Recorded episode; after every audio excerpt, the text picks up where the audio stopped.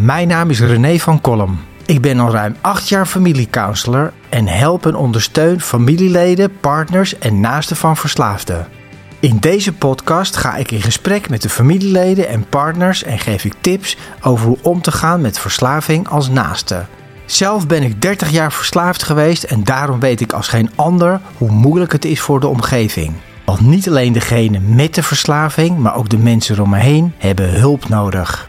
Dit is Eerste Hulp bij Verslaving. Hij is ex-Playboy hoofdredacteur. Zij is detox coach. En dit is Wat wil je drinken?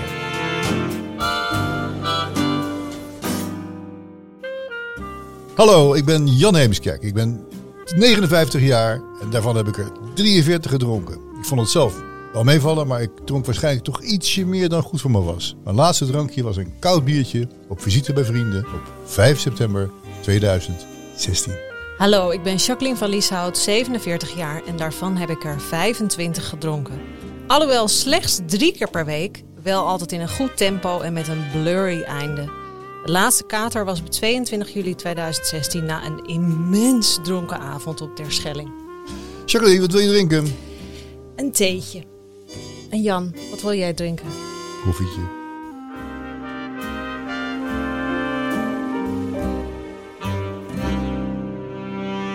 Nou, we hebben natuurlijk al vijf afleveringen gemaakt waarin we uitgebreid gesproken hebben over hoe wij zijn gestopt met drinken. Het blijkt tot onze grote genoegen dat er veel mensen hebben geluisterd. En Jacqueline, we zijn wat? Ja, nou ja, we krijgen natuurlijk heel veel mails en vragen en cursusaanvragen. En ook of er meerdere afleveringen komen. Dus daarom hebben we besloten dat we elke aflevering een gast uitnodigen die, net als wij, ook geen alcohol meer drinkt. En na die gast vragen we dan eigenlijk precies dezelfde vragen die Jacqueline en ik elkaar vroegen. En dan delen ze hun ervaringen met ons. En dan kunnen wij op die manier dus de luisteraars inspireren. Precies. En vandaag hebben we een internationale gast. So we're going to switch to English. I hope you still understand everybody that's listening because, you know, alcohol is for everybody all over the world. And today we have Dan Carity. Dan I, is I, an I American rehearsed this. I rehearsed this. Karaty. Karaty. Karaty. That's good, man. Yeah, Not with a Dutch T, but with a flowing D. Yes. There you go. Yeah, He's here a- we go. As everybody knows, he's an American television personality, dancer, choreographer, and actor. He's a popular jury member on Dutch TV for dance shows. And last week, ladies and gentlemen, he celebrated his first year alcohol free. Good to have you here, Dan. Thanks for having me. Yeah. Uh, Well done. Your, your first year. What do you want to drink? Uh, I'm drinking cappuccino. Nice. Yeah, and that works. A lot of caffeine in my life these days. So, Dan, Yes. feels like a therapy session. What do you remember your first drink? Uh, yeah. What it was and what happened? Yeah, it was a wine cooler. A wine cooler. What's yeah, that? it's like Yeah, please explain what a wine It's cooler It's like a is. cheap. Uh, I hope this doesn't offend anybody. Like girly kind of drink, oh yeah, very Um, sweet. very sweet. Yeah, yeah. Um, and my sister, she was in high school and she had some friends over, and one of her friends snuck me a couple upstairs. Um, I think I was, uh, I was probably like twelve or thirteen years old, something like that. Oh my gosh. Um, but I had one or two, and then you know I didn't drink again for a couple of years after that. But you do remember. But I do remember. Yeah. yeah, that was the first time I ever I ever drank. Did you have that same feeling that I did when I was 14? Like the first zip, you sort of fall in love with it? Yeah, it just Yeah. kind of felt cool, and Yeah. you know, and and I don't remember feeling buzzed or drunk or anything like that that first time. I just remember the feeling of oh look at that, I'm having a drink. I like this. felt cool. I had four older brothers and sisters um, who all drank in high school. Um, so I saw that, so I was excited to you know Kind of prepped. to be cool and be part of like that, that. oh, yeah. yeah, yeah. And then you we skip a few years. Never any. No, I, ne- I never drank until I got into high school, right? And then as soon as I got into high school, it was hundred percent. There was no like dipping my toe in and like, oh, I'll try this or try that. It was right from the first time in, in high school. It was blackout drunk. Was it the same for your brothers and sisters?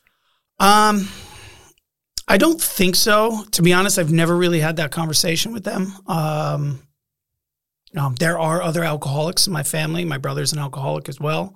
Um, but I don't know if their experience was the same as like right from the beginning. but Did your I parents was, drink? you know, a little bit. Um, I not- I rarely saw them drink when when we were kids. Yeah. Um, it was once in a blue moon at parties and things like that. But we never had alcohol or anything in the house, and it wasn't part of our wasn't part of the family dynamic until till we got older. Um, until I got older, and, and then it was part of the family dynamic. Once I was later on in high school, maybe around 16, 17 years old, and then outside of high school, then family gatherings where everybody was drinking together. So it could have been that you just didn't see it as a child. No, it, it- my parents really didn't didn't drink. Um, they made up for it later in life. Um, you know, they're not alcoholics. They, you know, it wasn't. Why did they like start? That. It sounds seems to really. It, you know, I think it was. Um, they had a, obviously a hectic life raising five kids. My dad was a stockbroker, but they also opened the dance studio um, that they still have to this day. Um, and their lives changed when they opened the dance studio. A lot more hectic, a lot more stressful. And I think that's when they started at the end of the night having a glass or two of wine. Um, and eventually that became a little more of a habit and then family parties and all that stuff. And it just kind of, kind of grew from there. You kind of eased into it. Yeah. Yeah. They eased into it. and Yeah. With, with, with them, you probably. Um, well, I didn't ease You into were, it. were way ahead. I was way ahead. Yeah. As I said, r- right from the beginning in high school, it was, you know, I drank to get drunk right from the first time. And that never changed. Every party I ever went to, every time we, you know, however we snuck around to find alcohol, things like that, it was, I wasn't trying to find two beers because that's, that was no fun. Why would I drink two beers? Oh, that yeah. made no sense to me. Yeah. Yeah. Um, because I never loved the taste of it. I drank to get drunk. So it was whenever in high school or whatever I was trying to find alcohol, it was find a 12 pack or a case or a bottle of Yeah. something or, you know, enough that I knew I would get drunk that night. That is a big sign. Yeah. Yeah. Well, it- you know, I mean, Well, you looking know, back, it was so obvious, but, yeah, but you know, I never everybody thought that- twice. A lot of people that are listening uh, are in denial, you know, in itself, which is fine. But it's just the whole thing of what is the difference between when are you an alcoholic or when aren't you? Also, why the Yeah. hell did you start so so so, so suddenly so all in? Why? Have you ever considered why? Uh, Yeah, I mean, I know, it, you know, when I fast forward four years and I got to college, I realized that um, I would drink in social social situations, drink a lot in social situations because otherwise I wasn't comfortable. I don't think that was the case in high school because I remember always being relaxed and happy and easygoing and friends with everybody and I, I just think I was, you know, I liked the feeling and that's how I wanted to do it. Um, I don't think it was, it would be easy for me, I think, to explain it away as, oh, I had anxiety in social situations, so I drank.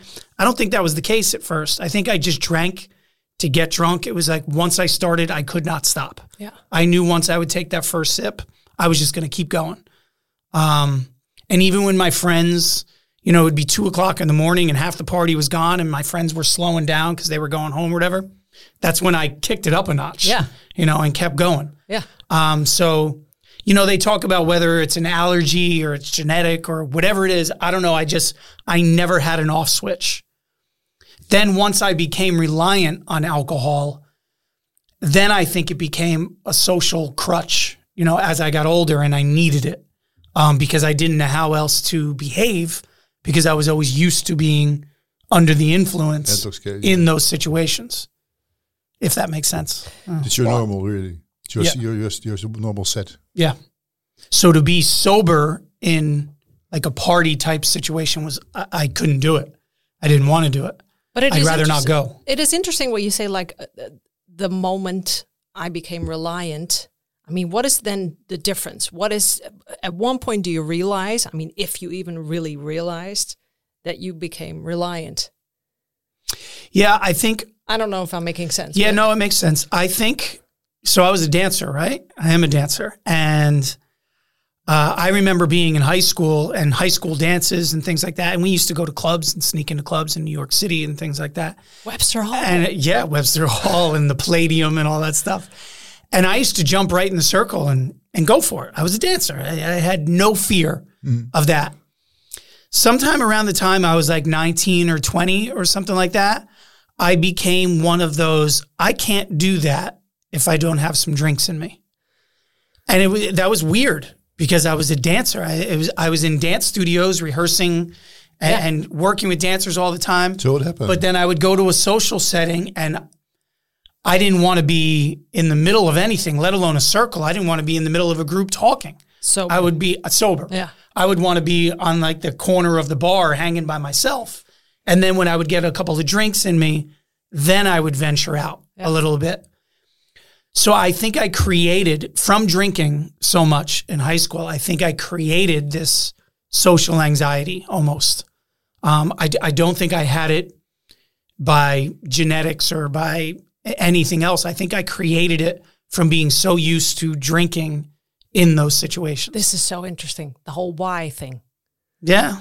I see with, with the people I coach and the people that respond to my book that after a year, they sort of start, it's hard to generalize this, but then they start to get to the why. hmm So hopefully, Yeah, I mean, hopefully I can get to that why. Um, uh, what I know is that as the years passed, I justified my actions by saying I was antisocial. Um, I just assumed I was an antisocial person. And everybody I met, including when I met my wife, and she would wonder why I didn't want to go out or wonder why I didn't want to go meet different people. I would always say, I just, I'm not a people person. I'm antisocial. yeah. But I wasn't antisocial because I realize that now, being sober, I'm not antisocial. I love to talk to people. I created that that whole you justify the use of talking alcohol. point to justify drinking, and um, and I did not want to go out and meet people or talk to people or be in social settings if I wasn't drinking. Yeah. It's a very clever construct, really, isn't it? Yeah. Oh, yeah. But I didn't out. even. I, I. I'll tell you, I believed it too. I had truly convinced myself that I was just an antisocial Sure, person. sure, I believe that, You know, yeah. I, I bought into it. Like I didn't feel like I was lying to my wife or to anybody else. I just thought I don't really like people. Yeah. But I, now that I'm sober, I'm finding out I talk to Well, everybody. you give To, yourself. to, to put us back on the timeline, where, where are we here? oh, oh, Po- uh, post college, you met, you met yeah. your This is post post college. Yeah, this is in like my mid twenties. So you've or been so. pretty much you you made it much on the way for uh, ten years now Yeah. in this particular way of handling booze and Yeah, uh, but I mean, it always it it steadily increased, right? So, um, I, I- which I think happens with with most alcoholics. But progressive. yeah, it was you know when I was in college, um, I, I kept my drinking to the weekends, um, and then after college, you know, it snuck into Thursday nights and Wednesday nights, and then by the time I was in my mid to late twenties, I was drinking seven days a week. Um, Alone? you know, I would well? take days off. No, I wasn't drinking by myself yet. Um, but I was, uh, I I would take days off if I wanted to, or I had to, or life called for that. Um, but I wanted to drink seven days a week. Um, but always at the very least with whoever I was dating Mm-hmm. or, or friends or whoever I was hanging out with at the any time excuse. You, you did need an excuse. any excuse and i would jump from friend to person to person whatever Oh, yeah, I so remember that, i could drink all the time Like you sort of surround yourself with people that drink as well. You 100%. immediately recognize my other. best friends were all Yeah. booze bags like Oh i was Oh yeah, I remember that. Also, you, Yeah. you reinforce yourselves among yourselves to, to, to this is okay. This is during the week. This is the weekend. This is socially. This is you, all those excuses. and This is normal. yeah and i had a sense of entitlement from day one because from the time i was in college i started making money and i was fairly f- for my age i was successful um, and that continued every step of the way every year i got a little more successful and i was making a little bit more money so i was why shouldn't i be doing this look at look at what i'm doing look at everything around me I deserve this. I, I just, of course, I deserved it. Oh, I mean, so that's- recognize That's this. how I looked at it, and anybody, no one was questioning me then. But if anyone did question me, I would have looked at them like they had two heads. Because what are you talking? Look at what I'm doing, and look at what you're doing. Don't question what you don't. Don't question, you know, my my behavior. Yeah. Because I'm killing it. You know, and that's By that's how I looked at must have been everything. Pretty good at hiding. Yeah, well, I wasn't hiding yet, right? Because I was, I was still during the day. I was in insane shape. I was dancing all day, every day, um, doing great jobs and everything. So I looked great. I felt great. There was there was no reason for me to even question myself, right? So I wasn't hiding anything. I was going out and getting drunk at night, but I was up at six a.m. and right back to work. Yeah. So, it didn't matter. Um, It's like Gene Anthony Ray. yeah.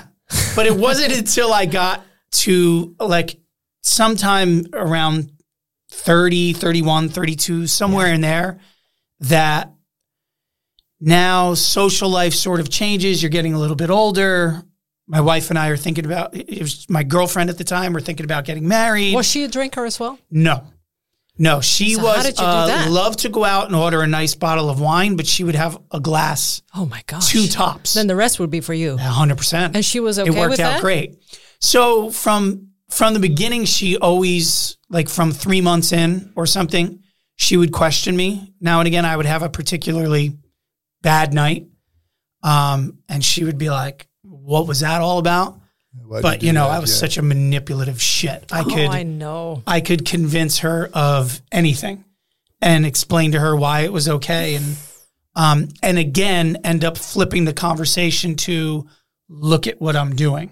Look how great everything this is. is Look how much world. money I'm making. Yeah. This is the life I live. I don't work a 9 to 5 like you do. Right. I do I'm in the entertainment world. This is how we live. Yeah. Um, This is and, and I of would the deal. and I would convince her it was okay, and I would convince her that I could shut it off at any time. So when I did have you know a bad a bad incident, I and she would call me out on it. I just wouldn't drink for a week. I'll show you. Yeah. I don't drink. You know, see how easy that is. Boom, Oh, it's so classic. and it was you know, Fabulous. and she believed it. Poor thing would believe anything I would tell her. You know. So did you like for most people it takes like 5 to 10 years to for the realization to sort of sink in like I really have to do this? I mean, did you ever have periods of quitting and starting up again and or trying to do less or Yeah, I mean, I I did. I quit before we got married. I quit um, because I had a, a couple bad nights in a row that were embarrassing for me, embarrassing for her, um, and so I just said, "Yeah, okay, I'm going to quit." And I was still a workout freak at the time, so I started running. And six months later, I ran the New York City Marathon. You know, it was like t- trading addictions. That's all it did. It, I was a dry drunk. You know, it, I was bitter that I wasn't drinking. I wasn't doing. I wasn't going out. I wasn't socializing. It was like, poor Dan? yeah, I was. You know, this is nonsense. But I'm going to show her that I don't have to drink. And so then I ran the marathon and acted like, you know, see how great I am and how healthy I am, and Let's you know, open all the this. champagne. And so I ran the marathon on November, know, it was probably like November 3rd, 9th, something like that, New York City Marathon. And then by Christmas Eve, uh, we got engaged because, see, I had convinced her. At that point, I was okay. So this was the perfect time to ask her to marry me. And we got engaged, and I had a glass of champagne at the engagement party. Do you remember that glass? Oh, hell yeah, I remember Oh, that glass. tell us because this is interesting. It was just so I drank it really slow because I knew because I knew she was watching. Just going to be the one, yeah. I knew she was Oh watching, and it was just going to be the one. But you know, there's 20 people around at my parents' house and stuff, so you know. I took a sip of this person's, sip of that person's. I mean, it's you know, I was right back. It Oh, was, yeah. it was amazing. Um, Never forget but that. then I didn't have no, I didn't have another drink until a week later, New Year's Eve, and I drank four or five Guinness. So this is like the messed up thing. I had never had Guinness in my life, and now I'm trying to think, well, what's like a heavy beer that'll fuck me up if I only have Oh, yeah. a few, you know? So I, had four or five Guinness, and a week later, I was back to drinking wine two or three nights a week. And a month later, I was drinking seven nights a week again.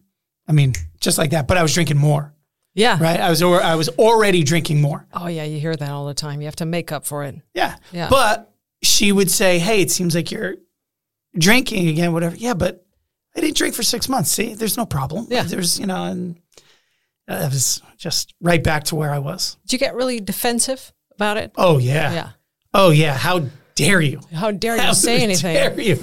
And uh, again, the manipulative guy that I was, I would find a way to flip the conversation and make it more about you and you know and and and how you're coming at me or accusing me things and you know and I would put her on the defensive. And then suddenly, at some stage, you turn it turns around, right? Uh, What happened? The What- bottom. What, did you- did you hit rock bottom or did you? Well, what I mean, happened? what was the bottom, right? So this continued forever, um, and it just increased and increased. My my low point, my low point and my bottom are two different things. Uh, Um, my low point was when my son got sick. Um, when my son was nine months old, he's our second child. I still get upset when I talk about this, just thinking about it. But when my when my son was nine months old, he got very sick and was in the hospital, and they didn't know what was wrong with him. Um, like really didn't know what was wrong with him. Um, and you know, every hour kind of mattered type situation. Um, and he was in the hospital for a couple of weeks, and only one parent can stay in the hospital with the kids, right, with your child. So I convinced my wife that it was better for her to stay in the hospital Oh, than me so that I could go home and drink every night. Because God forbid I skipped a night of drinking. And that's how sick I Yeah. was at that point is that it was more important for me to be home having a drink than it was being in the hospital with my son when it could have been his last his last day. Um that's when I really started to personally recognize that this was messed up. yeah. Um, I didn't change anything. I didn't tell anybody, including my wife. But that's when I started to recognize what what are you doing? Yeah. Fuck. yeah. Um, you know, luckily my son ended up being fine and he was okay. Uh, but I never forgot that. You know, I believe it. um, that that I look at as my low point. Um, my my bottom came when when we were in the middle of the pandemic, because the one thing that always, you know, they talk about highly functioning alcoholics. I mean, I was I like to say I was the most disciplined alcoholic Oh, yeah. because I started drinking every day around like five or six o'clock. Um, and I set my alarm on my phone for when I had to go to bed. So even if I got hammered, my alarm would go off to let me know it's time to go to bed. And I would listen to that. So you Really? would function, I would- would function again. So well, well, because then I would get up at six six o'clock in the morning, even if I was wasted. I would get up at six o'clock in the morning and go to the gym, and I would sweat it out, and I would get the alcohol out of me so you wouldn't see it in my face. So I would sweat out everything I drank, so I could stay in good shape, whatever. Go to work, you wouldn't smell it on me, and no one would be the wiser. And that's what I would do every day. Um, and when the pandemic hit and you took away my travel, it just like everybody, you took away everyone's travel, you took away their work, you took away everything. All the things that kept me in line was taken away. I didn't have to get up in the morning anymore. I didn't have to be on television or be around anybody, whatever. And that's when I really started to go off the rails. So now I wasn't hiding it. I had no one to hide it from. So I just kept drinking. Now my wife was like, What are you doing? But it's the pandemic. Everybody's drinking. yeah. We're all depressed. doing this, you know. Yeah. Of course. But that's when I really started to hide it too, right? I was hiding it for a long time as far as how much. You know, I would hide when I would finish that bottle of wine Yeah. and sneak in another one and I would do all that kind of stuff. But now it was, I was hiding the fact that I was taking a drink at 10 in the morning. I was, Oh, really? you know, or at 12 or at 3. Like I, I started drinking all day Those and strict I was- rules were out the, the, the rules were Yeah, gone. So now I was just, now I'm just drinking. Yeah. yeah. And Well, this whole that's when I controlling really started to hide. this controlling and disciplining was not for nothing. Yeah. You knew subconsciously if I don't do that, it's going off the rails anyway, Yep. and it's going to cost me my career. Yeah. So I went off the rails and I tried to pull it back together a couple of times because I knew I knew how bad it was. And my daughter, my 9-year-old at the time daughter looked at me sideways and me and my daughter are like best buddies. She's just like me. And so we were out active all day, every day, playing soccer together, running together, like doing all kinds of crazy stuff. And now she's looking at me in the morning and asking me what's wrong, telling me I look funny, things like that. So that's when I started to realize, Yeah. uh oh, if she's noticing that, Yeah. Natasha's noticing, everyone's noticing it. So I tried to pull it back together and I couldn't. And I mean, I, I really was trying and I would tell myself, don't drink this, don't drink this, don't drink this. Boom, Yeah. drank it. And I couldn't, I couldn't stop. And then I wanted to, I would, you know, roll out of bed at six o'clock in the morning. How long do I have to wait? Yeah. You know, and, and wanting to drink right away or whatever. Yeah. And, and that's when I finally said to my wife, I, I I need, need help. help. I can't. I'm trying to pull it together and I can't. Just uh, just to intervene for John, just one second. What do you say to people who say like, "I'm not that guy because he's a real alcoholic. He has no control. I'm not a real alcoholic. I just I, I've got it under control." What would you say to those people? There are many of of those people. Oh yeah, that say There's I a never drink before five. I only do like what I did three Is it- nights a week. we get it a lot. Like people come back to me. We're not like that. We're not like him. We, we he's he's a real alcoholic. He could end up under a bridge in a Yeah. brown paper bag, and we're different. What do you say to those? Yeah, people? well, so I thought I was different too, right? Um, when I got to rehab, uh, my roommate was a guy they literally just pulled off the curb, homeless guy, pulled off the curb and got him in there. And I'm roommates with this guy. And the first two days, I'm looking at him thinking, That's I not am me. not, not this No. guy, but you know. And by the third day I was there, I realized I'm I am that guy. Yeah. We operate the exact same way. He just hit a different bottom than I did, but it was only a matter of time before I ended up there. If your mind works the way mine works, an addict brain, you know, we're all at different stages Mm-hmm. of being an addict, but we're all going to end up in the same place if you Yes. don't take care of it. yeah. So yeah, I was a don't drink before five. I was a guy at the gym at 6 a.m. I was the guy making lots of money, all of that kind of stuff. But nothing, se- I said nothing separated me from the guy laying in the gutter than my bank account or my area code. I, but my brain worked the exact same way. And I was going to end up there too. You, know, I think that is the danger of the word. I always say this of the word alcoholic, Hmm? because we don't have a cocainolic or a nicotinolic. You know, there's no, there's the People say I'm before that. I'm not there. I'm not, that, over. Not that, yeah, no. That's just not going to happen to me. and It's that word like- keeps us, as far as you can say that, separated. I always go like these days when I you always meet those people who go like I never drink more than two beer beers. I go like it's good for good on you. Very jealous of you because I would like to be one of those people who can actually drink two beers and then stop. But Yeah. I'm- no, I'm I would not. love to be one of those people. Wouldn't you? Be I wouldn't. right? I wouldn't because what fun is there in two of them? Really? Yeah, no, I agree. But it's like I I go on the golf course with my buddies, you know, and it's brutally hot out and everybody's playing. And one of the guys cracks a beer, and I look at that and I say, "Oh, that would be nice right now." But I know I would be wasted by Yeah, the end of the right. You round want 20. and drinking the rest of the night. Of course. you know, it's I, I No, can't that, stop. that, that's so it. Just one, that, that one beer at a specific, at either golf course or football pitch, whatever. The Yeah. one, the one beer, lovely, lovely. I would Yeah, like but you do have that. in every area.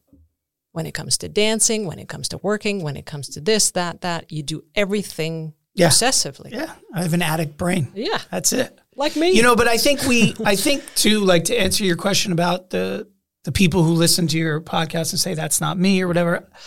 I think like one test, my brother, when my brother got out of rehab, my brother said to me, um, my brother didn't think I had a drinking problem, but he said, "Why don't you not drink for three weeks, for 21 days, see how you do?" Okay, you know, and I thought nothing of it. I couldn't do it. I couldn't go 21 days without drinking. You know, and that right there should have said something to Yeah. me. Um, but I, I just, and I said to myself, yeah, but I don't, I don't have to. You know, like I would, I can Right. figure out how to say, yeah, but I'm okay. I don't have to not drink for 21 days. But that was already an issue that I couldn't go 21 days without drinking. That's a problem. You know, you, you create all these habits around yourself and you think, I thought because I was disciplined, my habits were okay, but they were still habits. Yeah. And habits usually only get worse. They only grow. M- the more you have those habits, the more they grow. You know, so all my drinking habits, they just they continued to to grow inside of me and, and get worse and worse. So how was rehab for you? What is- awesome.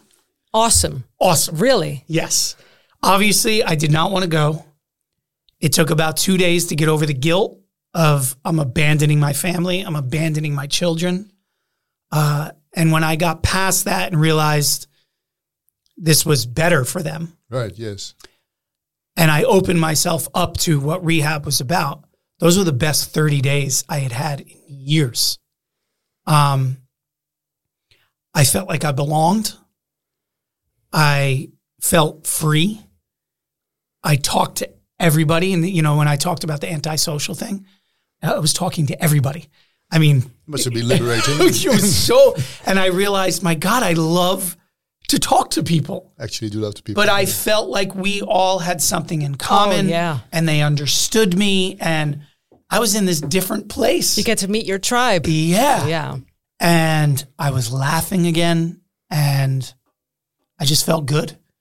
And um, as I said, those, those are the best 30 days I had spent in so long, admitting things to myself, learning about myself, and not feeling ashamed of who I was.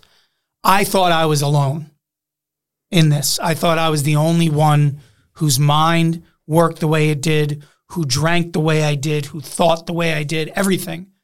And I realized, God, it's that's all these people are just like me. I, d- I don't hear you talking. You, d- you didn't feel that all that bad while drinking, did you? Physically. I, mean, I, I, most of the time when I think of stopping was because there's had terrible hangovers. I really didn't want the hangovers any longer. Yeah, you know, so- I you- never suffered from bad hangovers. I suffered from anxiety. That's bad too. Uh, I think my anxiety was alcohol induced. Yeah. Um, I think I made it so much worse than it would have been.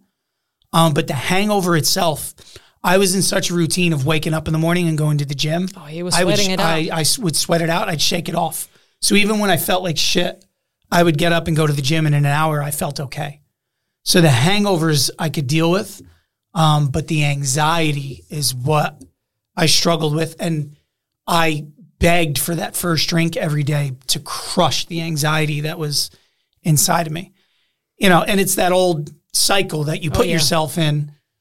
The drinks crush the anxiety, but it makes it so much worse the next day. But then you drink again to crush the anxiety, and I just Keeps on going. I was in that awful cycle.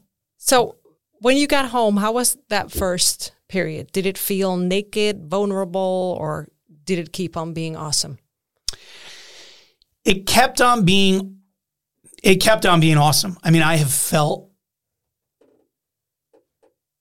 health wise, obviously, I feel a thousand times better. Yeah. I was wondering about that because I, I yeah, I mean, as I said, I would shake off the hangovers and everything, but I still felt like I thought I felt okay, but I didn't feel Yeah, yeah, good. I had you alcohol no running idea. through my veins, you Yeah. know? I I feel good. I like to look at myself in the mirror. Um, because I didn't do that for the last month, two months, three months, something like that before I went to rehab. Um, I love how, you know, they talk about being present. I mean, I am in it with my kids. yeah. You know, my kids and I have always had a great relationship, but I was physically there with them. I wasn't mentally there with them. And they don't know what has happened to me, but when you see the way they act with me, they feel it. You know, they wouldn't be able to articulate it. They're only eight and 10 years old, but just how close they are with me. They must sense something. Yeah, they sense it. And I love that. I mean, it makes me feel like a million bucks. Um, You look back And- in retrospect. When you look back, you must look back, obviously. Yeah, now. I try not to, but yes, I do. Sure. Why not? I mean, what do you feel when you when you look back? Regret, remorse, whatever. Regret. A lot of regret of lost. The two things I regret are lost years with my kids. Um, but at the same time, incredibly thankful that they're still children and I get to enjoy the rest Yeah. of their childhoods with them. Uh, and I regret for I regret what I put my wife through. Um, I was the third child in the house that she had to take care of, and that's bullshit, you know. Um, and when you talk about when I got out of rehab, you know how how good I felt about myself, how good I felt about my kids, but it, it we're still in the process, my wife and I, of her trusting me, um, because she wants to and she's trying to, but she still looks at me sideways. Oh yeah. um, and she's going to for a long time.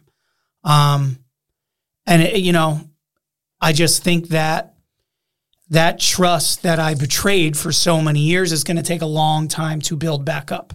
Um, we're in a wonderful place, you know, and she supports me completely. Um, but you know, there's a lot of repair to do for for what I put her through for all those years. So we I don't want to say we tiptoed around each other when I first got out, but it's like she'll be the first one to tell you she's relearning who I am. Yeah.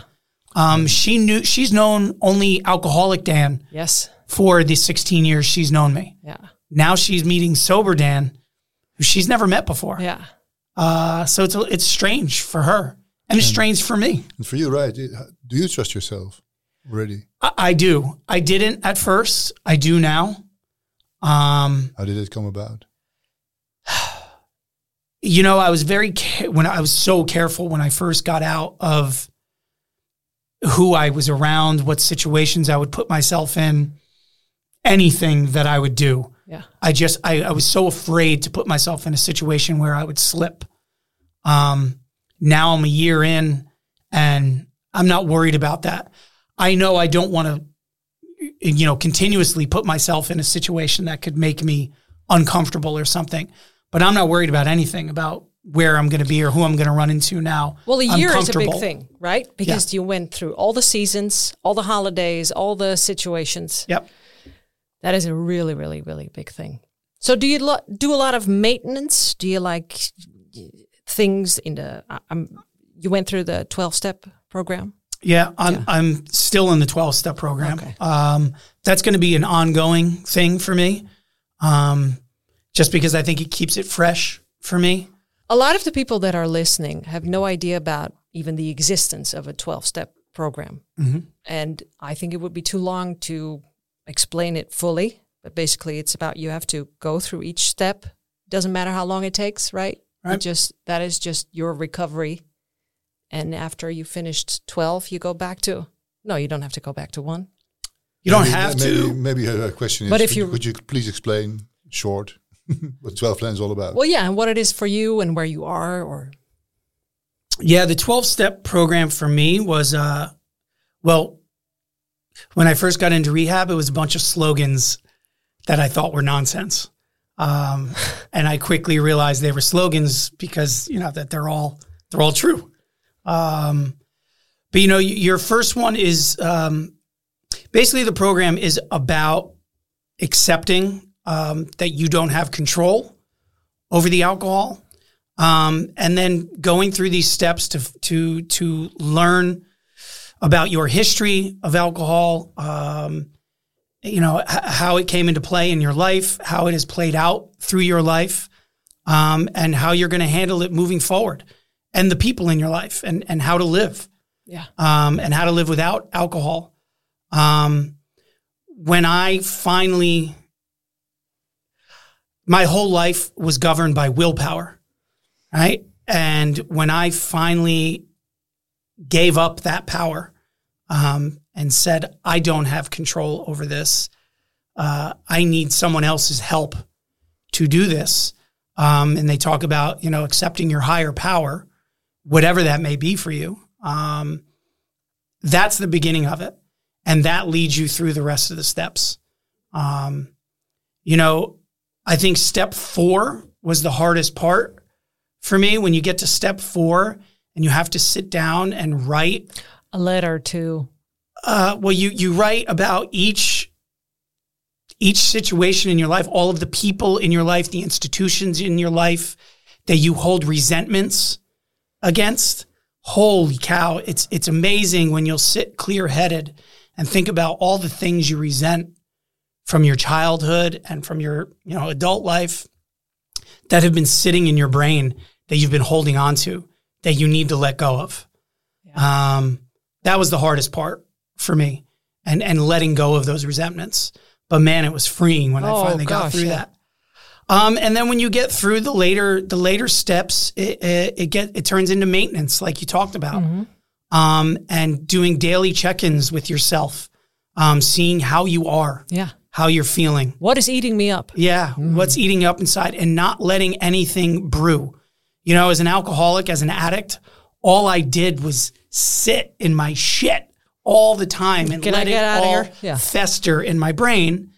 And now I don't. And and I use the steps to help me work through whatever's going on in my life and uh, and to deal with it. How many people did you lose of your old crew, so to speak? You know, I I didn't lose anyone. There's just people I don't hang out with. Yeah. as much. I still talk to them. I still text with them. I don't blame them for anything. Um, I just, you know, I don't hang out with them that much because our relationship was mostly drinking. Yeah. Um, so I, I don't want to do that. I don't want to go to dinner with them because it all, all it does is make me want to pound bottles of wine with them because that's Yeah. what we did. Yeah. Um, so I still talk to them because maybe one day, uh, will our, our our relationship will take a different turn than that. But for right now, I, I avoid those situations. But people- I, I, do people I didn't lose anyone. Do, do people respect your decision? Everybody I have spoken to about this respects my decision, supports me in this, supports what it has done for me personally, professionally. I, I've gotten nothing but support, which makes it so much easier, um, so much better. I do want to ask you something which I think is very interesting. Your kids, I mean, your eldest is now 10. Yes. Um, they might be starting getting interested at 14, 15, 16. Do you have any idea how you're going to talk to them about that? Or you're just going to say, I'm going to deal with that. I'm going to cross that bridge when I get to it? No, I, I think about it a lot actually Yeah. because I had to think about first. I had to think about what I was going to tell them when I was going to rehab. Um, so that was a. I didn't want to lie to them, so I told them about Daddy's not hasn't been feeling great, and Daddy needs some help getting healthy. So they think I went to a place to get healthy. And that was enough for them. That was enough Yeah. for them at, at, at So it's true. their age. Yeah. Um, I don't think I'm going to have the luxury of waiting until they're 14 or so. I think more like 12, Yeah. maybe something like that. Um, I don't want to keep, I don't want them to make them think that they're an alcoholic or that they're going to have a problem Yeah. or scare them. Um, but I also would have liked to know. I, I have since found out that alcoholism runs in my family. I have grandparents, aunts, uncles, you know, brothers. There, you know, it, there's a lot of alcoholism in our family, and no one ever talked about it. So, Well, I- because and by we the don't. way, I don't know if that would have changed. I, I, I don't think it would have That changed anything for me. Maybe but you it would still have justified it even more. So yeah, but I at least want to warn my kids and give them a heads up of here's what I went through. Um, just be aware of it. I'm not stupid. I know you're going to experiment. Yeah. But please keep I- this I- in the I back of your thought it's mind. Pretty similar. I, I just my, my younger son has two, two elder sons, but told him actually there's an alternative. You don't have to do this. It's it's it is actually dangerous to do it. Mm-hmm. I'm not, I'm not not going to stop you. I know that because if you want to drink, you'll drink, and Yep. but always beware. It's, it's very dangerous, and lots of people have been finding that strange that I talk to that I would talk to him like that. But it, I'm not strange. They are strange. Yeah. It took me some time to realize, realize that it's like it's normal to to to to to tell them about something that dangerous. Yeah. And it, and it, it really, I really believe he just he, he does drink. They all do, but I think he's slightly more moderate, slightly more cautious than he would have been if I didn't tell him that, or at least so I kid myself. Yeah. So I would do that. Yeah. I keep on saying to my daughter, if it if alcohol didn't exist and it would be invented right now, she's ten as well, then it would be illegal for this and this and this and this reason. I said, so always take it seriously. Yep. Society doesn't take it seriously. No.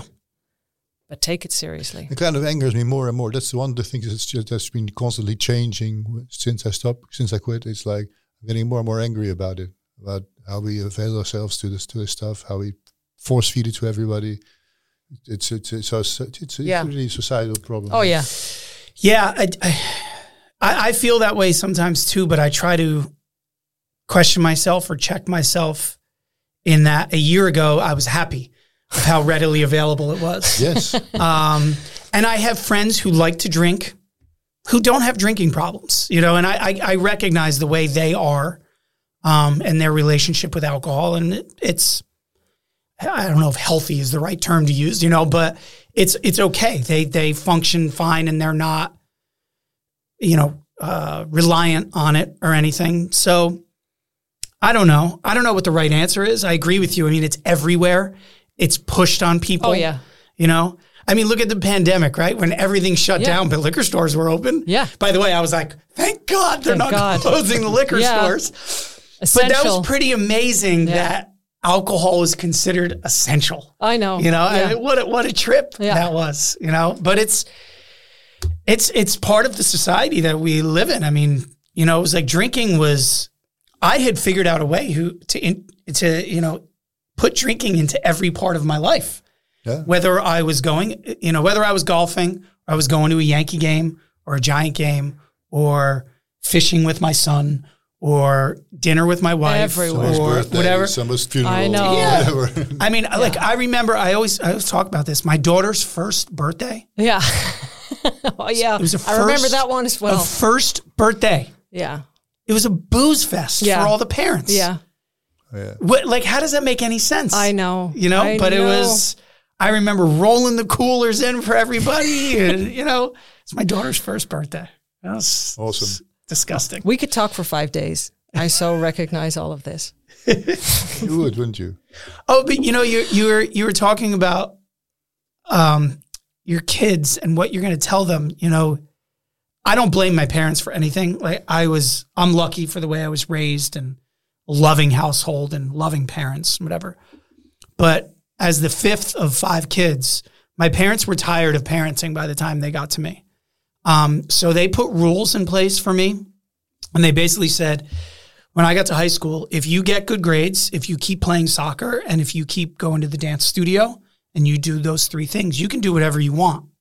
Man, I took that to heart, Yes, you did. and There I is a partied why. so hard in high school and would stumble in my parents' front door drunk at three o'clock in the morning and not get in trouble because I was keeping up those responsibilities.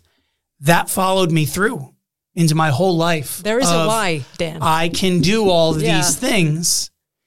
I can drink as long as I handle my responsibilities. what could it be that you were drinking to excess to take the pressure off? Yeah. Was it Totally. what I always said to wrap yourself in red velvet? Yeah. To finally be, or what Al Pacino said, it was my way to relax. It was my way to stop the noise in the mind. There is a why, Yeah. There's always a aside from why, all right? the genes and everything. Yeah. Yeah. What a wonderful way I don't know. to end this. As uh, prob- otherwise, it's going to last for three hours, which I'm fine with. But I don't know if the people that are listening are going to be fine with that. Oh. I still wonder why. But the why? yeah, Oh, wonder. he'll get to it. He's I mean- just starting the whole why thing. Well, well Me too. I ju- just don't know. I mean, I, I was. Uh, uh, oh, your uh, why? Yeah, I was kind of stupid. I, Oh, I was going to ask, I what's your drank- why? Yeah, I drank. Everybody drank, so I did it too. And at some stage, 40, 43 years later, I decided to, to stop. Yeah. That's it. I never thought. Step, step, I, I do. I mean, I'm speaking with people like like you, like us. It makes you think. You there must be something there that made me do it somehow. hmm I still haven't figured it out. Well, it's fine. It's just pretty stupid, but It's not stupid. You just well, it is. Having no reason. I don't know. I've I've I've been obsessively focusing on the why for six years. Why, why, why? And it, it's liberating to get that answer, to stop the anxiety, to stop your allergy for social talk. And I find your way of, is it the chicken or the egg approach? Did the alcohol induce the anxiety, or is it the other way around? Mm-hmm. So fascinating. Well, it is too because I also I look at people like I've I've lived a very fortunate life from the time I was born. My upbringing in the area I grew up in and the family I grew up in and all of that. So sometimes I look at you know addicts who came from a very difficult Oh, yeah. life, horrible childhoods, horrible parents, things like that, and I go, well, see, they had a reason. What's my oh, reason? Oh no, no, but you had a You reason know? as well because what you just said. I mean, I've just met you, but I mean, there was pressure on you. Yeah, but they were done with parenting.